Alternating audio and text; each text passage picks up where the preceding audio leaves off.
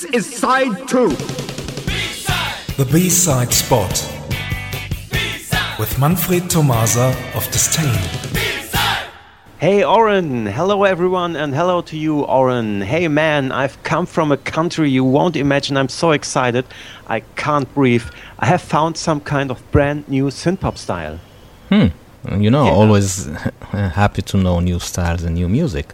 Right, and the crazy thing about it, they the people who play this kind of synthpop, they don't use synthesizers. Huh. Synthpop without synthesizer? Yeah. Do you want to listen to an example? Of course. Here it is.